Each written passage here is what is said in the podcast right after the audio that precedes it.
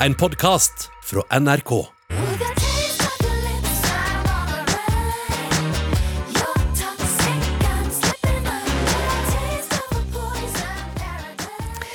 Britney Spears er ute av stand til å håndtere egen økonomi. Det mener dommeren som har avvist kravet fra artisten om å fjerne faren som verge. Kulturreporter Heather Ørbeck Eliassen.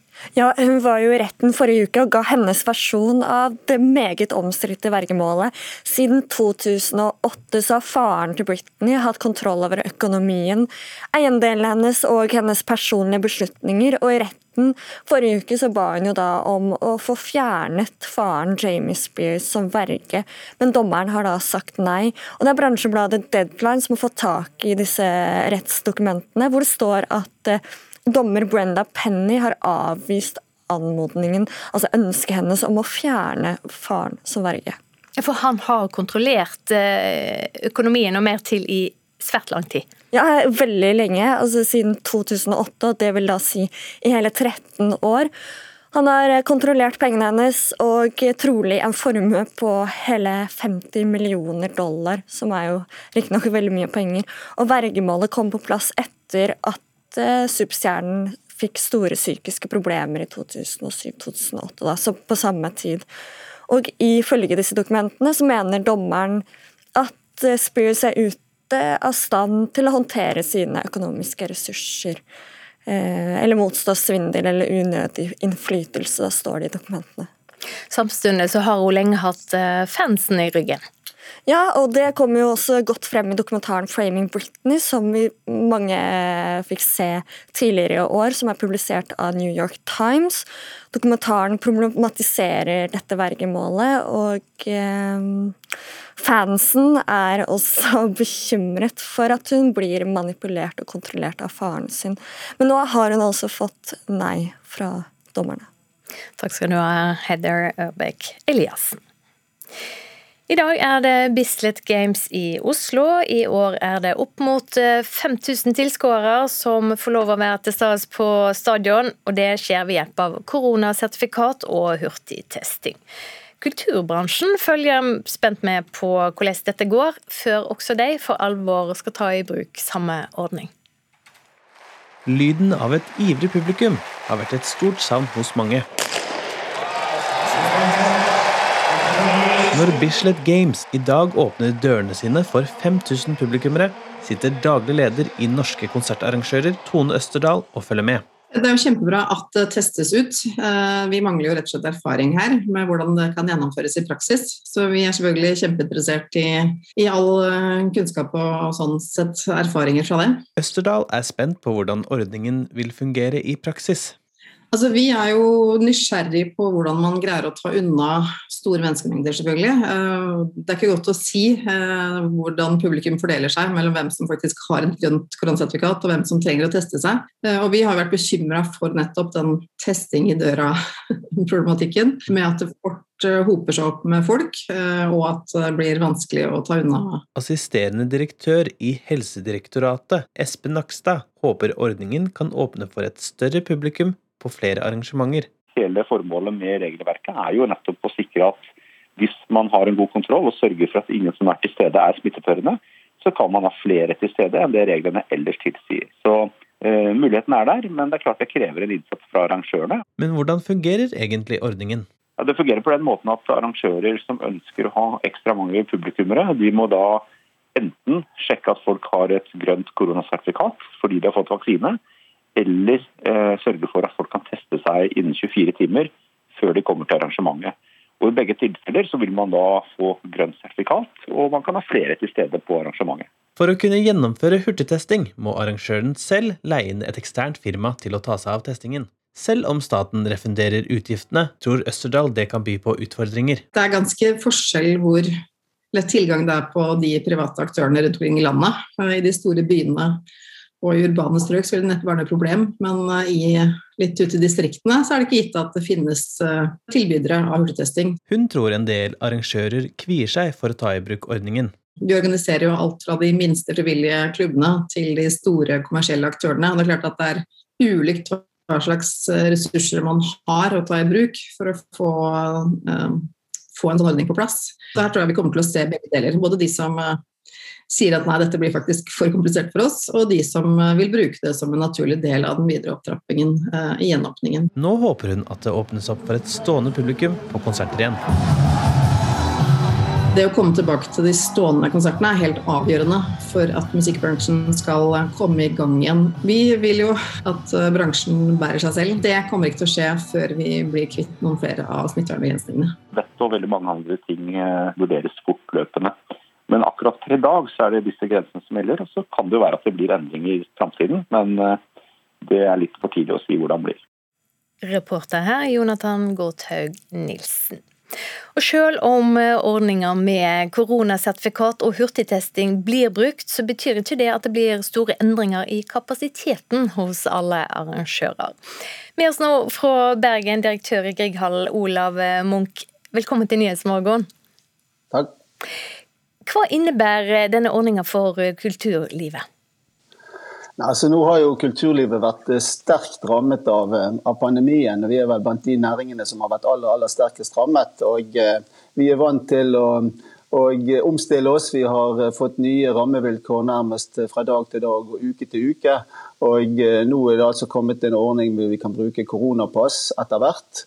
Og Jeg tror jo i prinsippet at det vil få en positiv effekt for kulturlivet. Og jeg tror at det vil bidra til at vi raskere kan komme tilbake til til å kunne kjøre konserter og annen form for underholdning for eh, fulle hus. Jeg håper i hvert fall det. Jeg ser du også utfordringer med denne nye ordninga? Ja da, altså nå er vi kommet til trinn tre i, eh, gjenåpningsplanen. og eh, Da er det satt visse maksima, maksimumsgrenser for hvor mange publikum man kan ta inn. Det heter seg bl.a. at hvis man ikke har koronapass, så kan man ta inn 1000 publikum. og Hvis man har koronapass og benytter seg av den muligheten, så kan man ta inn 2500 der. Eh, det høres jo greit ut. Det, det, høres jo da ut som at man kan øke kapasiteten betydelig dersom man benytter seg av koronapass, men så enkelt er det foreløpig ikke. Fordi at uh, det er fortsatt avstandsbegrensninger, og det er uh, fortsatt bare mulig å ta inn 50 av den maksimale kapasiteten. Så for Grieghallen, som vel er den største konsertsalen i, i Norge, så vi har en kapasitet på 1640 publikum, så er jo 50% av det bare 820. Og da har det veldig liten praktisk betydning om maksgrensen er 1000 eller 2500. Så, så foreløpig så er det avstandsbegrensningene som, som eh, avgjør hvor mange publikum vi kan ta inn. Og eh, vi får i grunnen ikke noe mer eh, muligheter for det om vi tar i bruk koronapasset slik som det foreligger nå. Mm. Du, mange har jo snudd seg rundt og, og bl.a. tilbudt eh, digitale konserter. Hva betyr det for musikere og andre artister å faktisk ha publikum, publikum til SAS i, i samme sal? Altså, det, er noe, det er noe helt annet for, for artister å spille for en tom sal eller for en Altså Spille julekonsert eksempel, med 20 publikum i en sal som vanligvis rommer 1600, det, det gir ikke artisten noe, noe særlig tilbake. Men, men, likevel, i disse tider så benytter man seg jo av de muligheter som, som foreligger, selvfølgelig. Kommer det til å ta i bruk hurtigtesting og koronasertifikat i Grieghallen framover? Det ser jeg absolutt for meg. Så, så, så snart bruk av koronatest og, eh, og uh, vaksinesertifikat da, uh, gir oss muligheter til å kunne tilby flere publikum, så vil vi ta det i bruk. Altså, vi, vi har vært vant til å omstille oss nå uh, i lang lang tid, og skal nok kunne klare å tilpasse oss en situasjon der der det vil kreves eh, koronapass for å, for, for å komme inn. Og eh, vi skal nok klare å ordne dette med hurtigtesting tenker jeg også på en, på en, på en grei måte for, for, publikum. Men som sagt, foreløpig så har det ingen betydning. Så vi må se frem til trinn fire og eventuelt videre utover før vi kan se at vi kan ha noe nytte av å benytte oss av dette koronapasset. Takk skal du ha for at du var med her i Nyhetsmorgen, Olav Munch, direktør i Grieghall i Bergen. Film nå her i Nyhetsmorgen for bare et par måneder etter at Et glass til med Mats Mikkelsen vant den internasjonale Oscarprisen, så kommer enda en film med den populære dansken i ei sterk hovedrolle. Rettferdighetens ryttere har eh, premiere på norske kinoer i morgen, og vår filmmelder Birger Vestmo kaller filmen for en fulltreffer. Jeg var med samme tog som din kone og datter. Hvad ved? Jeg synes, du har krav på at vide, at det ikke var en ulykke. Hvis du bare lukker røven lige nu. Rettferdighetens ryttere er tufta på den klassiske hevnfilmen, der voldsomme handlinger rettferdiggjøres på et heller tynt moralsk grunnlag, men skaper likevel sympati og forståelse for figurenes valg. Regissør og manusforfatter Anders Thomas Jensen, kjent for Blinkende lykter, De grønne slakterne og Adams epler, har prestert en kraftfull film som er like hard og vond som den er myk og morsom, og Mats Mikkelsen er selvfølgelig fenomenal i nok en sterk hovedrolle. Jeg vil bede om å finne alt, hvad I kan for rockergruppen Riders of Justice. Hvor mange medlemmer de har. Hvad de er straffet for. Hvad de er mistænkt for. Navne, adresser. Er det noget, I kan, uden at ligge spor?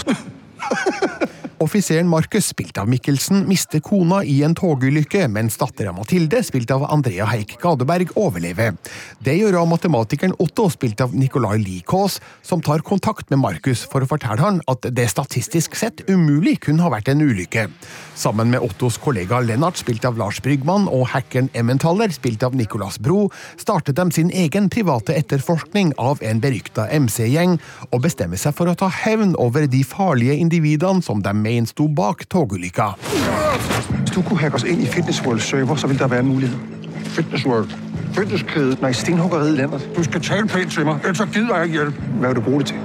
Rettferdighetens ryttere er ikke bare en hevnfilm, men handler òg om en fraværende fars skjøre forhold til sin datter, og hans redsel for å sette i gang en sorgprosess. Bifigurenes tragiske forhistorier avdekkes gradvis, og forklarer deres motiver for å hjelpe Markus til å oppnå en slags rettferdighet. Filmen er villig til å grave forbausende dypt i deres skjebner, som gjør at handlinga veksler mellom morbid humor og kullsort tragedie, en balansegang som Anders Thomas Jensen gjør godt. Ingen slår noen ihjel her. Jeg tror noen ganger at folk med problemer har det med å finne sammen. Min mor er psykolog og er til rådighet hvis det endelig er. Rettferdighetens ryttere forsøker ikke å være en realistisk film. De digitale etterforskningsmetodene og de resulterende voldshandlingene er godt plassert innenfor sjangerens frigjørende rammer. De menneskelige motivene, intensjonene og kostnadene er imidlertid klare og åpenbare. Man trenger ikke ha sympati for det Markus Otto Lennart og Emmentaler gjør, men man kan like fullt ha en forståelse for hvordan de har kommet dit. Konsekvensene er både harde, brutale og blodige, men Rettferdighetens ryttere er samtidig en varm film om sorg, forsoning og livets tilfeldigheter. Resultatet er nok en dansk fulltreffer. Vi har fattet det det nemmeste for deg i Det er verden. det nemmeste for meg i verden. Terningkast fem. Og det var vår eh, filmmelder Birger Vestmo som hadde sett 'Rettferdighetens ruter'. Og du kan lese både denne og andre anmeldelser på nrk.no anmeldelser. Og denne filmen har altså norgespremiere i morgen. Du har hørt en podkast fra NRK. Hør flere podkaster og din favorittkanal i appen NRK Radio.